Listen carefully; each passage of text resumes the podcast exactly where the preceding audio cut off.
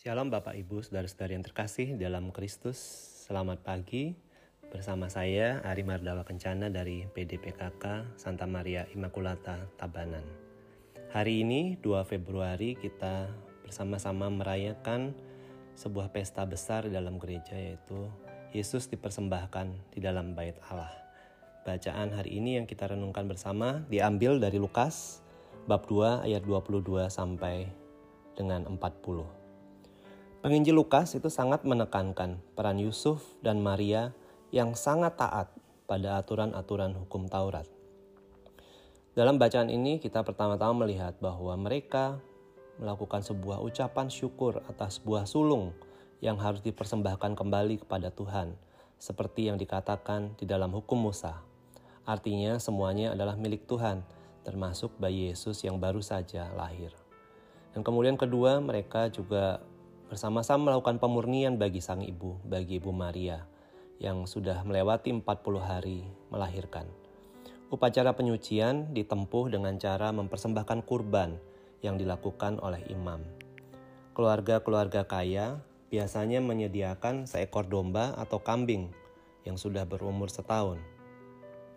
Tapi keluarga miskin cukup menyediakan seekor burung merpati atau tekukur yaitu persembahan yang dibawa oleh Ibu Maria dan Yusuf.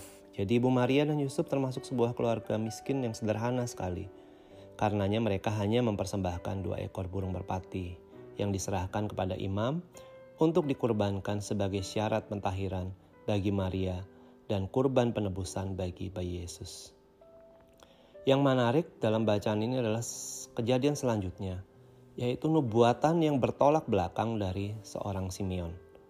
Simeon yang bersyukur bersuka cita karena melihat janji Tuhan yang digenapi bahwa Mesias sudah datang.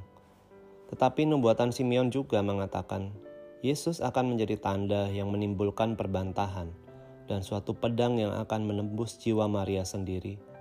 Tentunya berita ini menimbulkan kegelisahan juga bagi Yosef dan Maria. Suatu perasaan yang saya yakin campur aduk bagi mereka. Karena melalui nubuatan Simeon, mereka semakin mengenali bahwa Yesus ternyata adalah Mesias.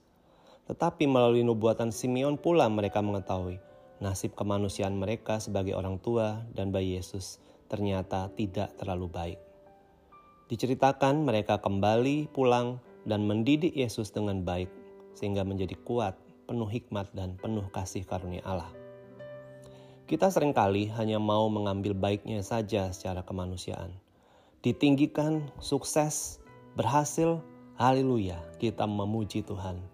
Tapi ketika susah, badai, kesulitan, kita enggan menjalaninya dengan setia. Saya pun pernah mengalami ketika dengan mudahnya, dengan senangnya memuji Tuhan selalu kapan pun ketika keadaan sedang baik-baik saja.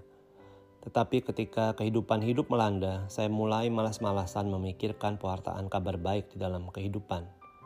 Padahal justru di dalam kesulitan dan dukalah kita bisa menjadi saksi kesetiaan pada Tuhan, sama seperti iman yang dicontohkan oleh Ibu Maria dan Santo Yosef.